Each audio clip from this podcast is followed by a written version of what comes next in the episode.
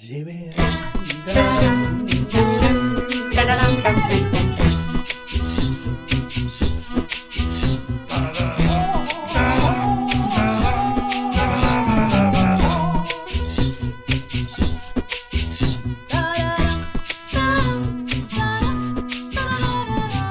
är som den biten i eh, dokumentären vi ska prata om där de alla de, de vill börja spela in men han ljudteknikern han är inte klar för att de eh, var tvungna att så bygga så Frankenstein-ljudbord utav, eh, utav saker de tog med hemifrån. För att Magic Alex hade byggt en idiotstudio. Ja, Glynnis. Det tycker jag låter som himla svenskt eh, ljudteknikernamn annars. Glynnis. Men du, eh, Jönsson. Nu är vi här. Ja! Ja, vi är ju det!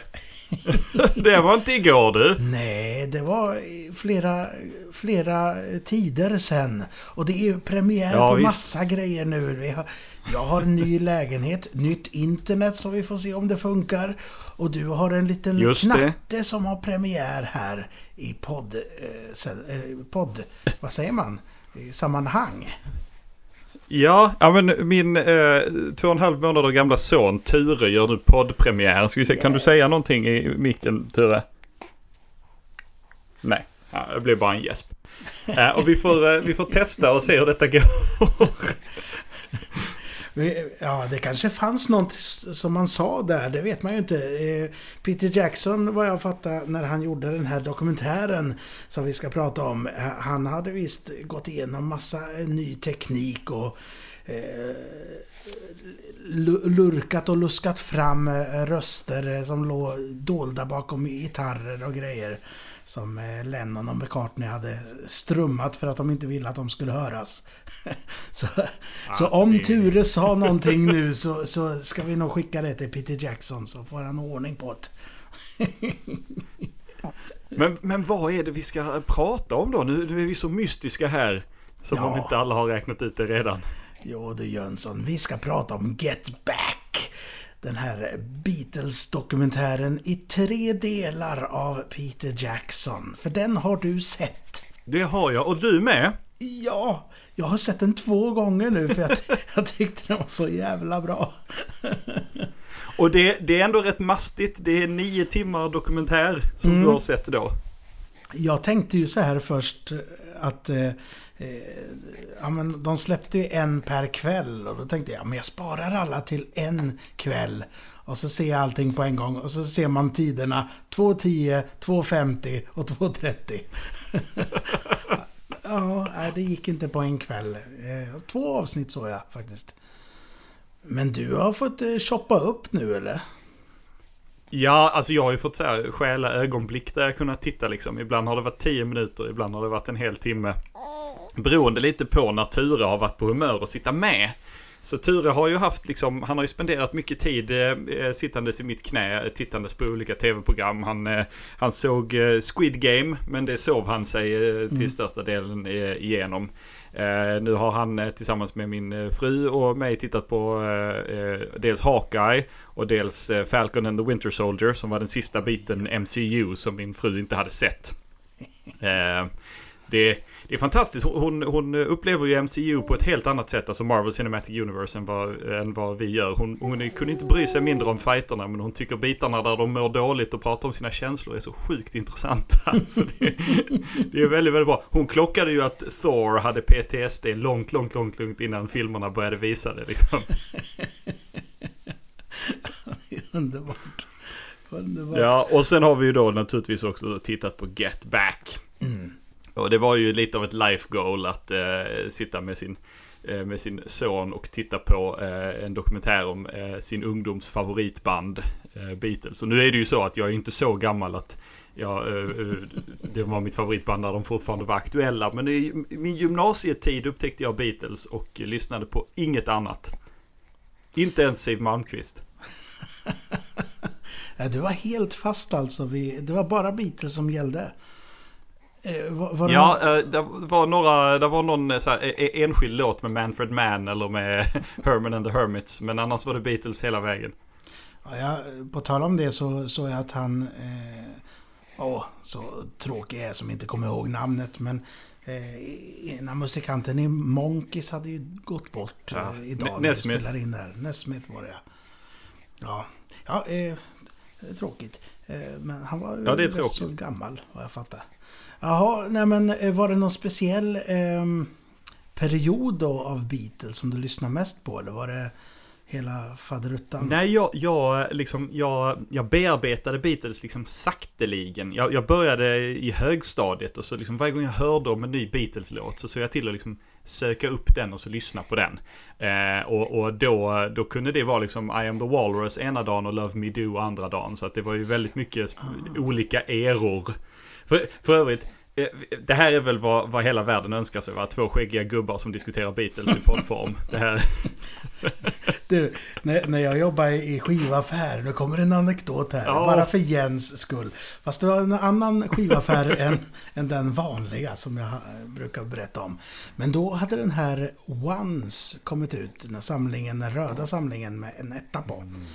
Och eh, så var det en, en ung tjej som var inne och flanerade i butiken. Och, och så, så eh, höll jag på att sätta upp lite skivor här och var. Och så, så säger jag så här, håller jag upp den här, den här, den här kan du köpa, den här är bra. Då tittar de på mig, jag med mina kanske 24 år. Åh, gamla människor, varför tycker de alltid om Beatles?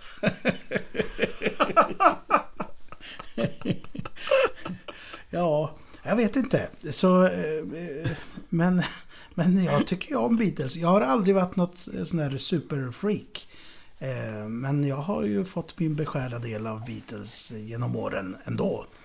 Eh, Jag kommer ihåg jag Ja, köpte det, ju det den är här... ju svårt att undvika Beatles. Ja men exakt, så, så är det ju. Och jag satt ju som klistrad då när Anthology kom på, på tv och sådär. Eh, Det var fantastiskt bra. Ja, det är en, det är en mastig dokumentär alltså. Eh, den, den, den kom ju...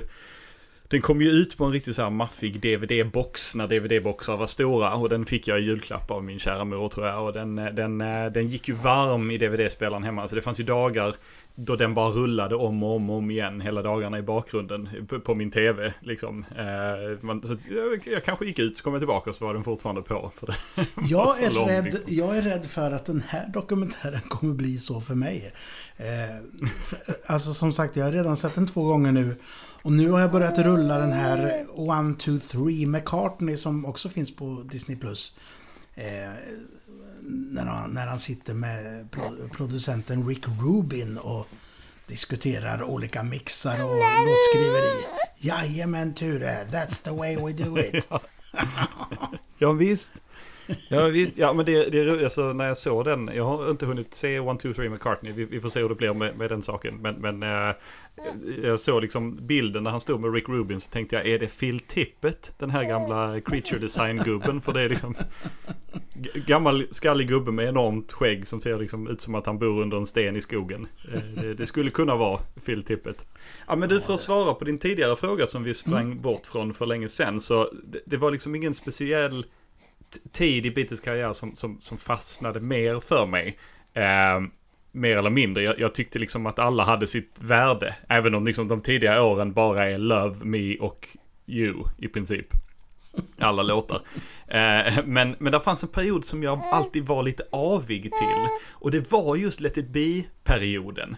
Eh, inte för att musiken eh, skulle vara på något sätt sämre, tvärtom, den är ju liksom, den är fantastisk. Men det var ju perioden då de grälade så mycket och då de började bryta upp och där de började liksom, eh, alltså, vad säger det, det började knaka i fogarna på något vis. Och det, det störde alltid mig. Eh, liksom, eh, det, det var liksom, ja, det här är ju jättefint. Man hör dem sjunger Two of Us och den, man kan liksom definitivt tänka att den handlar om eh, John och Paul på något vis. Liksom. Men man vet ju också liksom att de, de grälar här. De grälar samtidigt som detta, detta görs liksom och snart så kommer de bryta upp helt och hållet. Och det, det hindrar ju mig aldrig från att lyssna på det men jag var alltid lite så avig så jag, jag har ju aldrig liksom bemödat mig att se eh, den första filmen, Let It Be. Eh, som handlar om de här inspelningarna. Eh, och vi ska väl kanske förklara för den- som inte sett hela dokumentären exakt vad det är vi pratar om. Men den, har- den har jag liksom aldrig sett i sin helhet. För jag, var så, "Ja, men jag vill Jag inte riktigt se dem sitta och gräla. Jag vet inte om den finns riktigt i sin helhet heller, utan det är ju... lite ofärdig film. Men, men jag vet att jag har sett delar av den, så lite har väl kommit ut förut. Jag vet inte om den är Ja, den har fulsläppts är jag nästan ja, säker så på. det kanske är. Ja, en- en- men... eh, Och jag vet att en eh, bekant till mig, han, han sa när eh, den här Get Back kom ut nu att... men, du har sett första och de bara... Jag, jag, jag vet inte om jag vill se gamla hjältar bråka. Nej, men, men det är ju Nej. ändå intressant alltså. Det är ju väldigt intressant. Eh, Just hur... Ja, och det är ju definitivt en del i den kreativa processen. Liksom, alltså, det finns ju få, få manus eh, eller liksom skapande tillfällen, det behöver inte vara manus eller låtskriveri, men där, där det inte är någon form av gräl. Ja, just det. Eh, så är det ju. Men man, man kanske ska sätta det i perspektiv. Beatles hade liksom slagit stort världen över och varit störst inom citationstecken i många år. Vid det här laget, eh, ja många år men liksom det här är 69 så ett par år i alla fall var de störst i hela världen. Beatlarna är ju liksom mellan vad är det, 26 och 30 liksom så det är, de är inte gamla men de har ändå Det är så liksom gjort himla allt. bisarrt alltså, när man ser det här. Att de, de är typ färdiga, men de har inte fyllt 30 än. Nej, precis. Eh, och något år tidigare så hade deras liksom evige manager, eh, Brian Epstein, han hade gått bort eh, alldeles för ung. Och utan honom så var de lite eh, liksom riktningslösa. Eh, det var inte så att han gjorde allt, men han såg till att liksom sparka dem i häcken och få dem att faktiskt sätta sig ner och göra liksom arbetet. Eh, någonting som de inte alltid var riktigt sugna på att göra. Och, och utan honom så började det liksom, ja men vi kanske inte vill göra det här mer. Vi kanske vill gå iväg och göra våra egna grejer. Herregud, de hade ju liksom nyligen bara upptäckt sig själva på något vis. Eh, men då den drivande motorn blev liksom Paul McCartney som på något sätt liksom kämpade för att hålla dem igång. Projekt på projekt på projekt. De hade gjort uh, The Magical Mystery Tour som mer eller mindre blev Pauls bebis på något vis. Väldigt märklig film. Fantastisk skiva. My- märklig film. Uh, och sen då så får de för sig att ja, men vi har tillgång till en studio i ett par veckor uh, för att Ringo ska göra en långfilm i den. I, i, Twickenham i London. Ska vi sätta oss i den här stora kalla studiobyggnaden och spela in en LP och kanske göra en livespelning för första gången på några år. För de hade ju slutat spela live 66, tror jag, 65 eller 66. Det är Så bestämde de sig för att sluta spela live. Och Paul vill liksom inget hellre än ut och, och spela live igen och eh, John och George mindre intresserade och Ringo, Ringo han är också där. Ja, det jag tycker det är så fint att Ringo, han, han bara flyter med. Han, han är okej med det mesta liksom. Eh, George vill ingenting. nej, nej men, men så det är ju liksom, det är motvilligt de fyra är där. Man ska också komma ihåg att Ringo relativt nyligen hade lämnat gruppen. Eh, för att han liksom inte kände att han eh, passade in på något vis. Och då hade de andra tre kommit till hans dörr med blommor och bett honom snällt och, och, och, och fortsätta. För vi, ja, ja, Ture tyckte också det var att Ringo kan vi inte vara utan. Nej. Eh, Men de, ja, de, de är, på, de är olika, på olika platser i livet kan man väl säga när de sätter sig ner i Twickenham-studion för att börja skapa eh, ett album och eh, en liveföreställning från scratch. De har ingenting. Just det, det var det jag tänkte säga det. Att de har ju inte ens låtar. Så att det är ju låtidéer som tillkommer då eller att någon har någon i bakfickan liksom. Och, eh, ja, men jag vet att eh, George, George Harrison han, eh, han skriver ju rätt så många låtar under den här perioden. Fast det är inte så många som hamnar på skivan sen. Eh, och det är lite synd sådär. Men, men han... De, de, de säger ju det någon gång. Ja, men vilken är du på? Frågar de Lennon. För att George, George han, har, liksom, han är på sin senaste låt som han skrev igår. Ja, ja, men det kommer när det kommer, säger Lennon. Men, Ja. men eh, ja, men du, eh, ska vi, ska vi ta Ja. lite, lite avsnitt för avsnitt här? Jag tänker så här att, eh, hörde ni, eh, det är typ 50 år sedan detta hände. Eh, Se de här filmerna, för vi kommer väl spoila lite här, tycker jag, handlingen. Eh, Eller handling och Definitivt. handling. Det, hän- händelseförloppet. Ja, Men du, innan vi gör det så tror jag jag eh, släpper ut eh, en hungrig liten Ture till sin mor. ja, Så kommer jag tillbaka. ja. Nu ska jag bara se. Får jag ta lurarna av mig här. Jag kommer strax. Hej då Ture.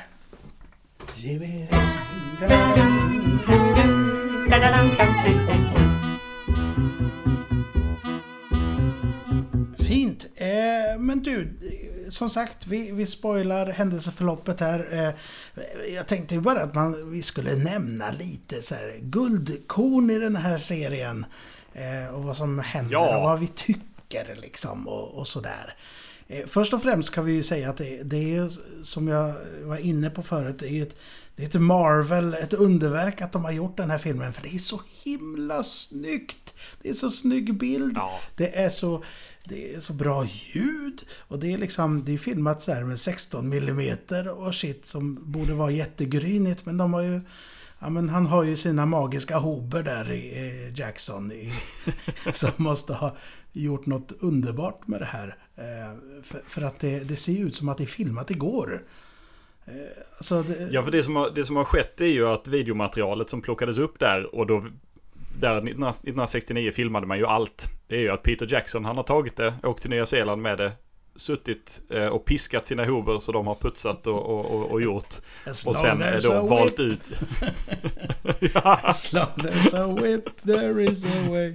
Ja, Eh, och, och då kondenserat ner, vad är det, 60 timmar filmat material till då 9. Eh, en, en, en, en standard ringen-trilogi helt enkelt har han krympt ner det till. Ja, tänk att, att Beatles var ju ryktade ett tag om att de skulle spela, eh, spela eh, huvudrollerna i Sagan om ringen där. Eller hoberna i Sagan om ringen. Le- va, ja men var det inte, skulle inte Lennon spela Gollum? Ja, så kanske. Jag vet inte. Ja, ja. Men, men som sagt, det är ju helt fantastiskt hur det ser ut och hur det låter. För, det- för det är också en sån där grej. De har ju tagit Eh, separerat ljud och, satt ihop och mixat om. Och, ja, men det låter ju helt fantastiskt. Jag var så glad för att jag, jag har ju som sagt flyttat precis. Och eh, Bland det sista som jag eh, flyttade, det var, eller flyttade, packade ner, det var ju min stereo med mitt 5.1 ljud. Och jag var så nöjd när jag hade hunnit med att se den här. Att jag hade varit så lat och inte packat ner stereon innan det här började. Liksom, för, att, för att det är så himla bra ljud. Ja, ja. Men du, del 1. Alltså min första punkt som jag har skrivit här. Alltså de har ju så roligt ihop. och det är fantastiskt ju det. att se. Ja. Eh, ja men genuin, genuina skratt och man märker att de trivs att, att leka ihop eh, med musiken liksom. Men vid det här laget så har de ju lirat ihop i, i, i flera år tillsammans liksom. Alltså tio år minst. Eh, och de kan ju varann. Alltså även om de börjar bli ovänner och de börjar liksom, det börjar knaka i fogarna så de kan ju varann. Och de minns ju hur det var att sitta liksom och, och så här, eh, ja men under en kväll spela in hela sin liksom första demoplatta liksom där de bara rökte och, och käkade halstabletter och bara lirade låt på låt på låt på låt. Eh, The- The Chic of Araby och Three Cool Cats och, och, och allting liksom. Som, som liksom aldrig skulle släppas utan bara som demoplatta. Så de vet ju hur det är liksom. Och det är ju det är ju fantastiskt. Utan den humorn, utan den kärleken de emellan så skulle det ju ha spruckit. Eller då skulle det ju aldrig ha hänt. Liksom. Då skulle det aldrig ha gått. Eh, och det är, det är ju egentligen därför man älskar dem, eller åtminstone jag. Att, att veta eh, hur mycket de larvar sig ihop. För det är hög tramsföring alltså på, den, på det här gänget. Tramsföring, ja det är ett fint ord. Eh, ja, men, speciellt är väl i avsnitt tre tror jag, när de, när de sjunger... Eh, jag kommer inte ihåg vilken låt det är, men de sjunger med stängd mun. Det, Two of us tror jag de sjunger med stängd mun Ja. hela vägen. Eh, väldigt skojigt. Och lite obehagligt. Vad var det? Ja. Lennon ser ut som Beavis och Butthead samtidigt eh, när han s- sitter där och sjunger. Nej men det är väldigt tramsigt och väldigt roligt. Och det var ju något tillfälle som de i, i, jag vet inte heller vilket avsnitt de säger det, men eh, skriver ni någonting ihop nu, McCartney och Lennon? Och då säger McCartney att nej, men vi spelar ju mycket bättre ihop nu än vad vi någonsin har gjort. Och det, det är fint på något sätt också. Att de kan ju varann som alltså sagt. Den, Ja, men den benämningen Lennon McCartney är ju, den är ju problematisk för det. Jag menar, den, den, den står ju på alla deras låtar oavsett upphovsman. Eh, men, men man ser ju verkligen i den här dokumentären att även om Paul har skrivit någonting som är väldigt mycket Paul. Så är det liksom inte färdigt förrän det har gått igenom någon slags Lennon-filter. Alltså ett, ett, ett, väldigt, väldigt tydligt exempel på det som inte är med i den här dokumentären är ju Hey Jude. Där Paul har en låt i huvudet skriven till Lennons eh, son Julian. Den heter Hey Jules först och sen ber eh, Lennon honom ändra den till Hey Jude. Och då, då bara sjunger han, eh, Paul. Han har, han, har, han har inte all text men han har en del av texten. Och så hamnar han vid en bit där han eh, liksom, jag, jag, har inget här, så här, jag bara fyller i. Och så sjunger han The movement you need is on your shoulder. Betyder ingenting. Eh, så, enligt legenden då ska han säga till Lennon liksom att ja, det här ska ju naturligtvis byta, bytas ut till en riktig text. Och då ska Lennon ha svarat det ska det inte alls. Det där är texten uh, och, och, och alltså, där, där finns det nog en del sanning i det liksom att det, det, det behöver gå de behöver gå med, genom varann för att, för att liksom, det briljanta ska, ska uppstå. Jag tror det är viktigt eh, att som låtskrivare ha en eh, liten text och, eller musikdoktor som kan bara komma in och pilla på någonting. Jag vet, Eh, jag och Fred, Bettlar-Fred har ju gjort mycket musik. Eh, både separat och tillsammans. Men men även när jag har gjort egna låtar så kan han komma in och sen så rättar han en mening eller han tar bort ett ord eller vad tusan som helst som gör att det bara nu föll hela eh, pengen ner i, i automaten. och bara, allting makes sense bara för att han pillar på det där. Och det, det tror jag många som skriver bör ha. Eller, ja. Och då, här är ett typexempel på hur de arbetar. Eh, Lennon och McCartney. Ja, och därför gå tillbaka till del 1 eh, som, som du poängterade. Du hade ju sett innan jag såg liksom, men säg till när du kommer till den här biten sa du innan vi kom. Och det är ju när eh, McCartney och ren frustration sätter sig ner och i princip skapar Get Back. Ja. Låten Get Back. Det, han, är, han är stressad, de kommer ingen vart. Så han bara sätter sig ner och börjar strumma och mumla och plötsligt så är det Get Back han ja, sjunger på. Det är så fantastiskt. liksom. Det är så häftigt att se det hända. På, uh, jag, jag, vet att den finns på YouTube om man vill kolla, men den är ju lite nerklippt. Så då missar man ju lite av det coola som händer runt om också. Att i, i början så sitter ju George Harrison och, och gäspar, för det är tidigt på morgonen liksom. Man, ja. Han är inte dugg Men sen så börjar det hända någonting med den här rytmen. Och den här... Just den här hooken liksom man märker att både Ringo och, och, och, George Harrison börjar, ja men det är någonting här. Ja men nu. Och sen när väl Lennon kommer då, då finns nästan låten helt och hållet. Liksom. Eh. Men den har ingen handling. Den är bara massa filler-meningar eh, i början. Jojo och, och, eh, Sweet Loretta och så vidare som han sjunger om. Det betyder ingenting, det är bara filler-ord. Och sen börjar de jobba på tanken om att det ska bli en protestsång mot, mot främlingsfientlighet. Och de börjar sjunga, börjar, texten börjar bli Don't like Pakistanis och så vidare. Och så vidare. Och jag tänker, det var tur att de det var tur att de inte gick åt det hållet. Även om jag tror hjärtat var på rätta stället så var det nog inte... Nej, nej. Var det nog inte vrålsnyggt. Men, men det är ändå... Det är som den här regissören eh, som, eh, som den här regissören som de har som hela tiden eh, kastar idéer på dem om deras, den här livespelningen som aldrig blir av. Om att de ska åka, vad är det till? De ska åka till Libyen eller till Albanien eller sånt och spela för 2000 Arabs. Som han säger hela tiden. Jag bara så slut, sluta, du måste sluta säga, du måste sluta säga detta. Men, men, för att återgå till Get Back tycker jag det är intressant att det är så himla mycket av den här nonsenstexten som, som är med i början som ändå är med till slut. Eh, Precis. För man, man och det kanske hänger ihop med det du sa om, om Hey Jude förut. Liksom, att man...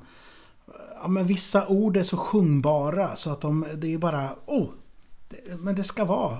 Det ska vara de här Jojo, liksom. De här orden ja. som, som... Ja, men de är sjungbara. Och det är gött. Att de eh, låter det få, få finnas liksom. Ja, och alltså McCartney har ju ett fantastiskt sinne för det också. Liksom. Han kan ju hitta musiken och liksom få de här fillerorden att, eh, att funka på ett eh, liksom fantastiskt sätt. Så funkar ju liksom inte Lennon, även om Lennon också liksom älskar nonsens så är ju Lennons nonsens på något sätt väldigt överlagt. Alltså Lennon eh, var ju, han älskar ju Lewis Carroll och Alice i Underlandet och han det, det ser man ju hela tiden att han, han, han upprepar saker som sägs men han ändrar på orden hela tiden. Liksom. Det finns ju, finns ju inte ett, ett, enda tillfälle i dokumentären där han kallar Beatles för Beatles. Utan det är alltid Bootles eller Bottles eller liksom. Och han ändrar på texten från Sweet Loretta Martin till Sweet Loretta Fart. Och, och, så vidare och så vidare. Liksom för att han, det är som att han liksom nästan han måste tramsa. Mm. Eh, vilket nog är djupt frustrerande om man är stressad och ska ha, ska ha lite... Han, han, han, han Lennon var fantastisk men han kunde ju vara rätt lat också. Alltså, eh, så, alltså fantastisk som han var så, så utan att McCartney pushade på så kunde nog Lennon vara rätt så bekväm med att liksom sitta och, och liksom prutta på en låt om och om igen. Liksom. Ja, oh, jag skulle säga någonting om, eh, om, om Lennons... Eh, det var någon låt där. Eh, nej, just det. Att det blir ett running gag i filmen som är väldigt roligt tycker jag. På tal om det där. Det, är att han ska få, få tala in pratan till Rolling Stones Circus. Ladies, du, ska, du ska inte säga så mycket, du ska bara säga Ladies and gentlemen, uh, here's your hosts, uh, The Rolling Stones eller någonting. Och han tramsar ju ja. om det där. Alltså säkert i en av filmerna rakt igenom. ja, ja. The Strolling Bones och allting sånt där. Ja. Fantastiskt. Eh, men du, då, man ser ju som sagt att de har roligt i första avsnittet. Men så ser de ju också hur frustrerad och svart i synen eh, George Harrison bli, blir där. Eh, ja, han vill ju inte vara där. Nej. Alltså, han, han vill ju inte vara där från början. Är, han är ju där på, på nåder på något sätt liksom. Och en stressad McCarthy som, McCarthy som vill att de ska ta det om och om och om igen och en Lennon som inte brukar allvar. Men då och då så lyser det mellan Lennon och, Lennon och McCartneys ögon och de hittar någonting bra. Och bredvid sitter Harrison total ignorerad liksom. Mm. Det, det, har de ju klippt väldigt väl också så att man, man verkligen ser hur, eh, hur han inte vill vara där. Nej. Nej. Och det slutar ju första avsnittet med att, de, att han hoppar av. Dun, dun, dun, hur ska det gå? Ja. ja, och det, alltså min eh, lilla syster som aldrig haft något liksom enormt Beatles-intresse tidigare. Hon har inte ogillat dem men, men eh, inte varit liksom tokig i dem som jag. Hon eh, fick upp ögonen på den här dokumentären och nu, nu handlar alla hennes Instagram-stories om den här dokumentären. Hon är så såld oh, på den och tycker det är så fantastiskt. Och skriver till mig hela tiden så här, var det så här? Vad va, va, var detta? Varför vet man inte detta? Liksom. Uh, och då, hon skrev till mig att hon läste någon artikel där George Harrison förklarade sin eh, inställning till när de gjorde den filmen med, med I just wanted to be happy. Mm. Och det, det skär lite i hjärtat liksom. Han, han vill verkligen inte vara där. Han vill göra det som gör honom glad och detta är inte det. Och det kommer visa sig sen att det finns saker i det här som gör honom glad också. Men ja, usch. Jag tycker det är fint i sista avsnittet så nämner han ju för, för Lennon där att eh, ja men jag har ju ta mig tusan eh, låtar till ett album. Jag vill ju lägga ihop dem och se hur de låter tillsammans. Bara för sig. Och så säger Yoko Ono, ja men det är en jättebra idé. För, och det, var, det är verkligen det, det som skulle göra honom lycklig. Det är att få göra det själv. Ja. Och ja, det är fint att han... Men det är som att han kommer till insikt just då. Att ja, det är det jag behöver göra. Jag behöver göra en egen platta liksom. Eh, ja. Det är fint. Men, men han har ju som sagt hoppat av här efter första avsnittet. När vi stiger in i andra avsnittet. Oj, oj, oj. Eh, det, alltså, här fångar ju Ringo Starr hjärtat hos mig alltså. Och McCartney. Eh, McCartney, eh, han är ju väldigt ledsen också. Han försöker ju skämta runt det här med att med att Beatles splittras. Eh, han, ja, men det är väl två olika skämt han drar om. Eh, ja, then there were two till slut. Och, ja. och, och alltså, det är ju det att de kommer tillbaka till studion dagen efter och det är bara Ringo som dyker upp först. Just det. Eh, det och sen dyker Paul upp eh, och sen sitter de och väntar på om John kommer dyka upp. Eh, det sista vi har sett är att de har skämtat bort att George bara gick. Han reser sig bara upp och säger I quit the Beatles och går sin väg. Liksom. Och, och då sen börjar känslorna, precis som du säger, bubbla upp. Liksom. Där är en sorg hos Ringo, där är en definitiv sorg hos eh, Paul och de vet inte riktigt hur de ska hantera att det slutade så här. Eh, och där, eh, där stannar ju också eh, produktionen. Eh, de, vet, de vet ju fortfarande inte vad de vill göra. De har knappt några låtar och ett par dagar går åt till att sticka hem till George och eh, äta middag och eh, effektivt förhandla. Och det får vi ju inte se. Damn it! Däremot så, så visar det sig att eh, filmteamet har gömt en mikrofon i en blomkruka. Ja. Så vi får höra en väldigt personlig diskussion mellan John Lennon och Paul McCartney. Och fantastiskt som det är att lyssna på, i synnerhet eftersom Lennon inte tramsar eller skämtar en enda gång, utan mm. det är uppriktigt samtal. Eh, så känns det nästan lite så det känns nästan lite hemskt att lyssna på. De, de var inte medvetna om att liksom crew, crewet blir liksom fula i resten av filmen på något vis liksom. För att de, mm. de är inte bara filmade och dokumenterade, de, de, liksom, de lurades. Även, men det är en fantastisk diskussion där, där Lennon på något sätt medger att eh, även om han är ledaren för Beatles, och det är nog så McCartney vill ha det också, så är det ju McCartney som är den drivande kraften. Eh, och att mm. de två måste lära sig att lyssna på George Eh, på ett sätt som de kanske inte gjort förut. Och båda två medger att de haft fel. Och det, det känns som att Lennon har mer insikt över det än vad McDonald har, tänkte jag säga. Det, det är ju... McDonald. Ja, men... men... Ja, nej men det, jag, tycker, jag tycker det är väldigt gripande det där eh, när de... Alltså jag grät ju en liten skvätt där eh, i det hela. Det, det, kan jag inte sticka under stolen med. Eh, Nej, där är vi två. It got dusty in the theater, så att säga. Ja. Yeah. Men, men det, det hände ju någonting när, när Billy Preston dyker upp. Eh, för de, de, de, går ju med på, han kommer ju tillbaka till slut, eh, George Harrison. Ja. Och sen så eh, det känns som att det är han som har lite idén om eh, Bill Preston. Eh, som ska, kommer spela orgel med dem snart. Eh, han pratade ju med honom tidigare. Ja, men, ja, och Billy Preston känner de ju sen innan.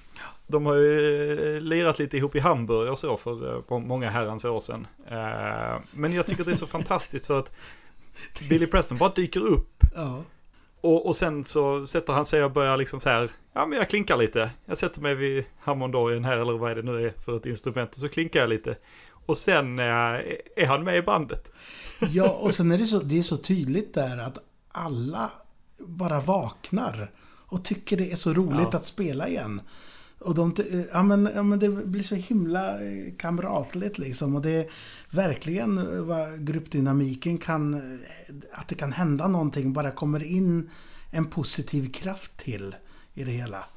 Eh, ja, det är himla bra. Han är ju himla bra också, Billy Preston. Ja.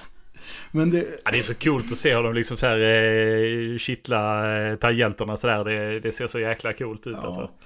Och, och, och, han vill ju vara där. Ja, ja. Alltså det är nog en viktig faktor i det hela. Han har ju så jäkla kul och det, det smittar nog. Liksom. De andra fyra är så, ja men titta här är någon som, här är någon som vill vara här. Då mm. kanske vi också vill vara här. Ja, ja visst. Men det var kul du sa, morra, många herrans år.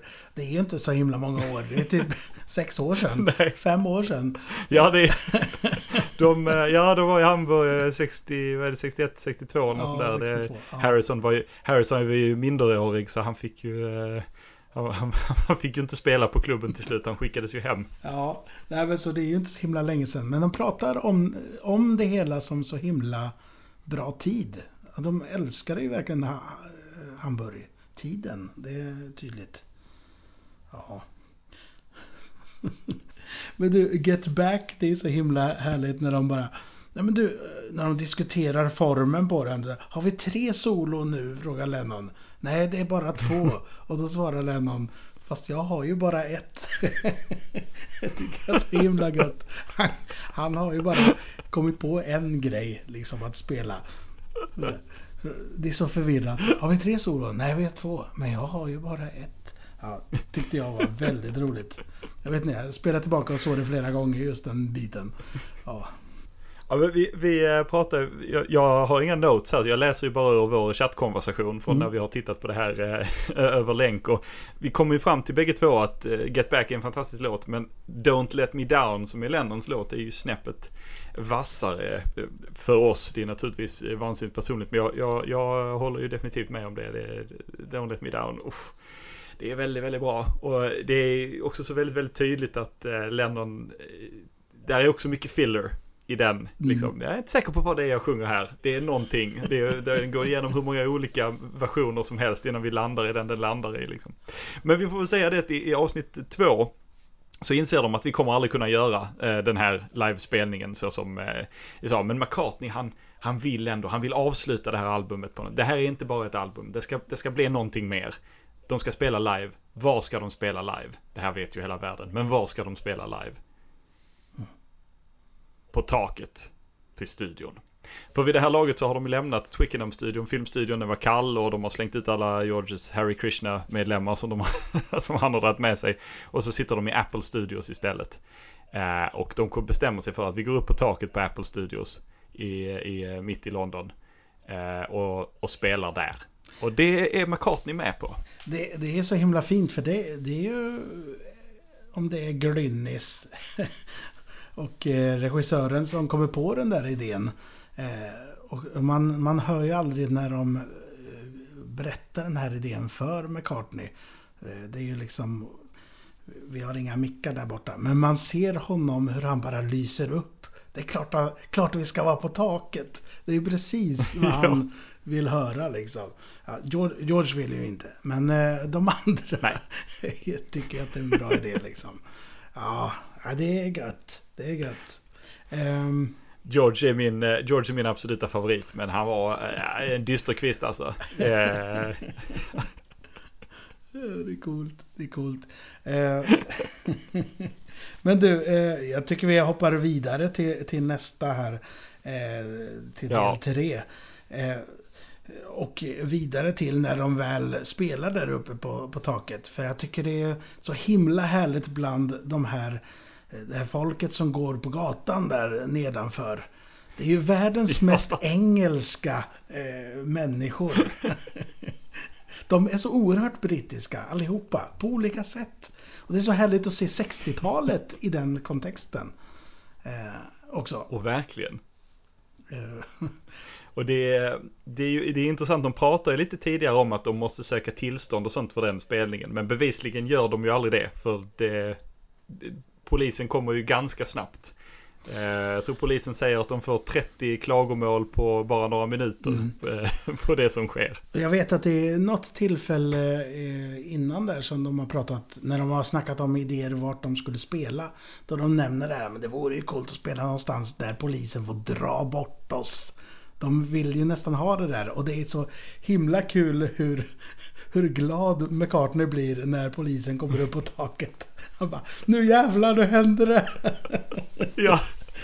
Ja men han har ju hela, hela dokumentären sökt efter liksom den här finalen. Liksom eh, ja. Go out with a bang grejen. Nu, nu var ju inte detta det sista det gjorde. Men det, det här är ju deras sista livespelning. Eh, någonsin. Mm. Liksom. Och ja, jag håller med dig. Han, han ändrar lite texten i Get Back till eh, att åh nej, försök inte spela, spela musik för då kommer polisen och tar det. Och det är också väldigt fint, deras, deras liksom eviga Mal, deras eviga roadie, liksom, som är den som har liksom fått i jobb att ljuga för polisen om eh, vad det är som sker. Han till slut liksom måste ge sig, plocka med polisen upp till, eh, till taket. Poliserna som för övrigt alla är namngivna i dokumentären, så de måste ju ha givit sitt eh, godkännande ja, till att vara med, vilket också är fantastiskt. Och hur han försöker liksom så här få dem att sluta spela och de gör inte det, så till slut går han och liksom stänger av eh, Georges förstärkare. Och George, som har varit emot allting hela världen. Han tittar på Mal och sen går han tillbaka, sätter igång förstärkaren igen och fortsätter lira. Det är ändå... Oh. Hjärtat slår extra hårt där alltså. Ja, verkligen. Någonstans så visste de allesammans att det måste sluta. Vi, vi måste gå hela vägen på något sätt. Oh. Oh. Ja, det, oh, det, känslor, det känslor. Jag sa att det skulle bli mycket känslor här. ja, Oj, oj, oj. Nej, men eh, som sagt, alltså, jag har nog inte sett klart på den här eh, dokumentären på ett tag, tror jag. Eh, vi måste göra det live någon dag och titta på den här ha trevligt. Ja. Äta något ja, engelska muffins eller någonting. Eller skons eller något. Ja, Alltså, de där britterna, det är ju så roligt att se för det, det, åsikterna är så vitt skilda. De flesta, det är mycket, här, mycket gubbar med pipa och, och paletåhatt som på något sätt går liksom till eller från jobbet och portfölj och så vidare. Och en del av dem tycker att det här är ju Ska de verkligen störa ordningen på det här viset? Det där är någon tant som har blivit väckt eh, och är sur och så vidare. Men många av gubbarna tycker att det är fantastiskt. Det är ju helt underbart att de spelar. Jag önskar att de kunde spela nere på gatunivå så man kunde se dem och så vidare. Ja, och, så. Det, och det är, i alla åldrar så är det, det är många tanter som är väldigt noga med att säga att jag, jag tycker det är fantastiskt. Jag, jag lyssnar inte själv men min son gör eller min dotter gör. Liksom. Alltså det de, måste ha, de måste ha betytt någonting för britterna. Ja men verkligen. De, ja. Och de var ju säkert saknade rent eh, livemässigt också såklart. Men, men eh, när man har hört om den här eh, takspelningen och jag har ju också sett klipp därifrån men den ligger ju inte så bra till för någon att se. Den ligger ju verkligen krångligt till. Det är ingen som ja. någonsin kan titta på dem. Förutom de här som faktiskt klättrar upp på taket runt om. Och man bara, åh, där skulle man ju varit alltså. Coolt. Jag skulle, jag skulle tippa på att eh, liksom, eh, om vi säger att det är 100 människor på taken runt omkring som tittar, så tror jag att det är 500 människor som påstår idag att de var en av de människorna på taken och säkert, tittade. Säkert. Jag, jag, tror att det är ett sånt tillfälle där liksom eh, folk gärna minns att de var där på något vis. Mm. Mm. Eh, det, det, det, andra sidan, det är ju... Det, det hade jag också gjort tror jag. Man hade nog gärna velat skriva in sig i den historien. Visst, även om man bara vore en, en polis som skulle stoppa det hela. Som tuggade på sin ja. hjälmrem sådär. ja. Och den här artige poliskommissarien som kommer förbi och väldigt artigt frågar om han kan få gå in och väldigt artigt frågar om han kan få gå upp och så säger ja men du får inte gå ut på taket. För det, det är först när han väl liksom kommer ut ja. som, som det tar slut liksom. För det som du skrev, de här poliskonstaplarna som kommer liksom, de är ju, de ser ut som de är 14 bast på något vis liksom. Så kommer, så kommer den vuxne i rummet in på något sätt ja. och säger nej, nej, nu har vi haft något roliga, men nu, nu minsann, nu får vi gå hem. Och så blir det så. Men du, eh, på tal om eh, ålder. Eh, George Martin, hur mycket äldre är han? De andra? Är han i 40-årsåldern? Jag vet faktiskt inte. För han ser ju ja, också alltså, väldigt alltså, ung ut alltså.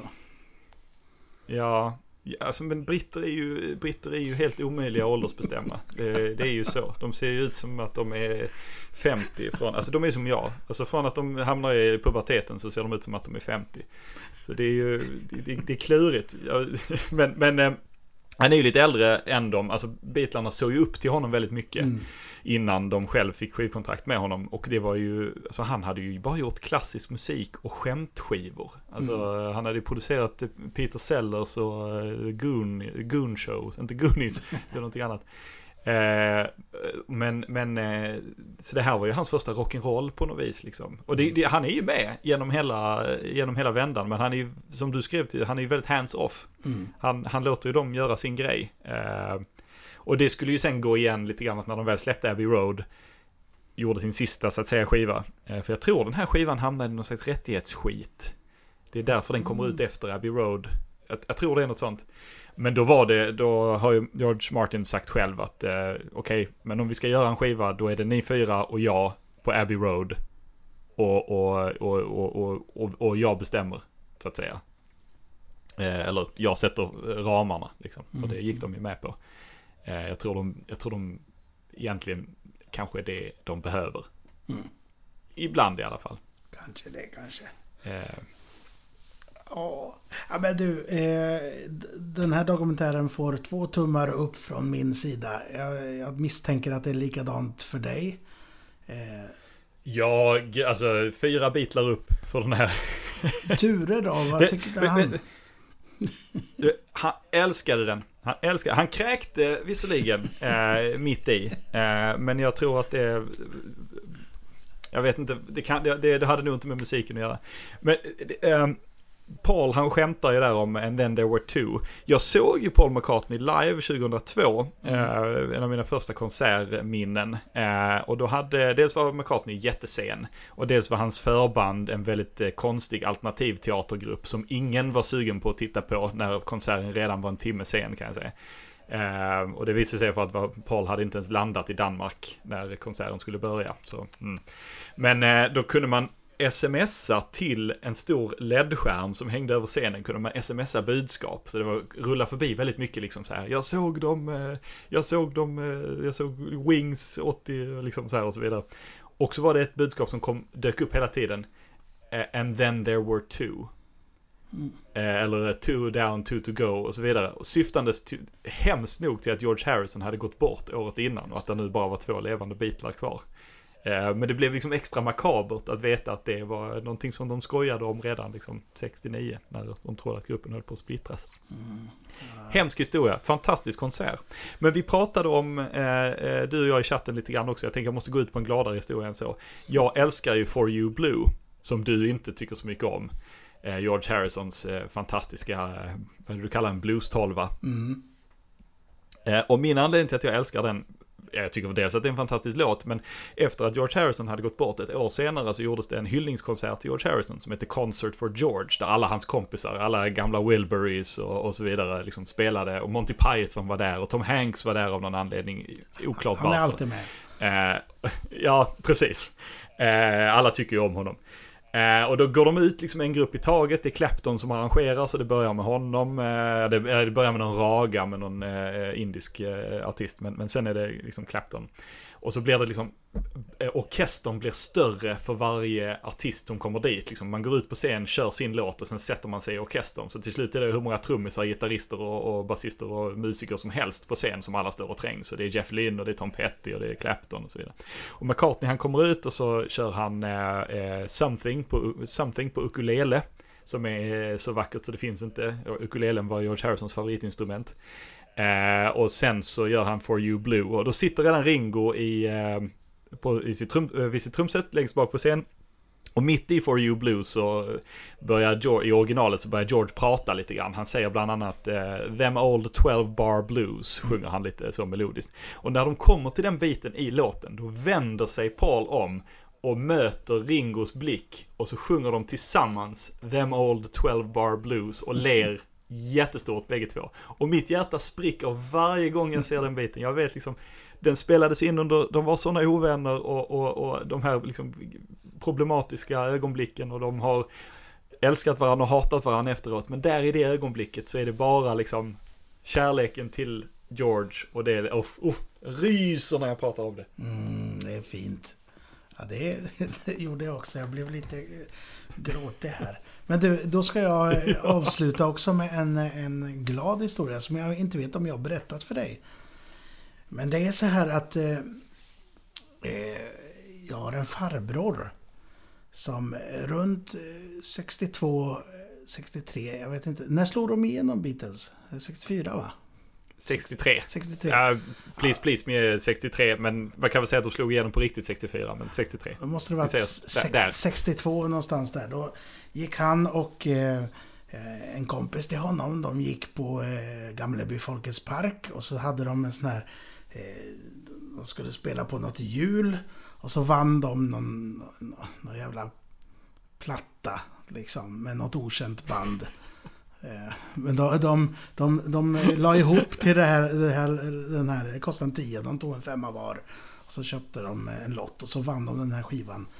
Och den finns ju i, i farbror, min farbrors eh, skivsamling nu. Och det är ju Hamburg-inspelningen. Eh, det är coolt. Är det My Bonnie? Ja, My Bonnie med, med vad heter han? Ja. Eh, Tony Sheridan. Tony Sheridan ja. det är den skivan. Uppbackade utav The Silver Beatles, som de hette då. Ja. Herrejösses. Men, men, det är en dyrgrip. Han har vägrat att ge mig den i, i, i arv. Den, den, kommer nog inte komma till mig. Damn it. Oh. Ja, det är tufft. Det är tufft. Ja, verkligen. Ja. Verkligen. Herrejösses. Ja. Det, det var en bra grej att gå ut på. Mm. Lite som en konsert på taket. Du, det var trevligt att snacka lite, lite Beatles med dig. Eh, Det, det Ja, tycker jag vi gör om. Eh, om något annat ämne.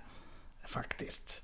Ja men det tycker jag. Ni, ni, ni har, är i full gång med säsong två alltså. Ni, jag, nu har jag inte lyssnat men ni, ni har väl inte ersatt mig med någon va? N- n- n- Nej. Men inte Pettersson va? Jo, Bara jo, inte Pettersson. Jo, det är Pe- Pettersson är med. Ja. Pettersson! Ja, visst. Ja, men så som det ser ut nu så har vi ju, eh, i och med min flytt här, har vi inte haft internet förrän nu. Eh, Så att eh, vi, vi har... Vi har lite bonus, eller gamla avsnitt som vi har haft inspelade som dyker upp nu i dagarna. Och sen tänker jag att vi kastar in det här avsnittet mitt i. Så, så då får du ta tillbaka din lyssnarskara ordentligt. Jag var någon som skrev till mig så här, avbocket är mycket så här trevligare och mindre, mindre purket och surt den här säsongen. Vad är det med det? Nej, jag kan inte svara på. Vet jag inte, vet jag inte.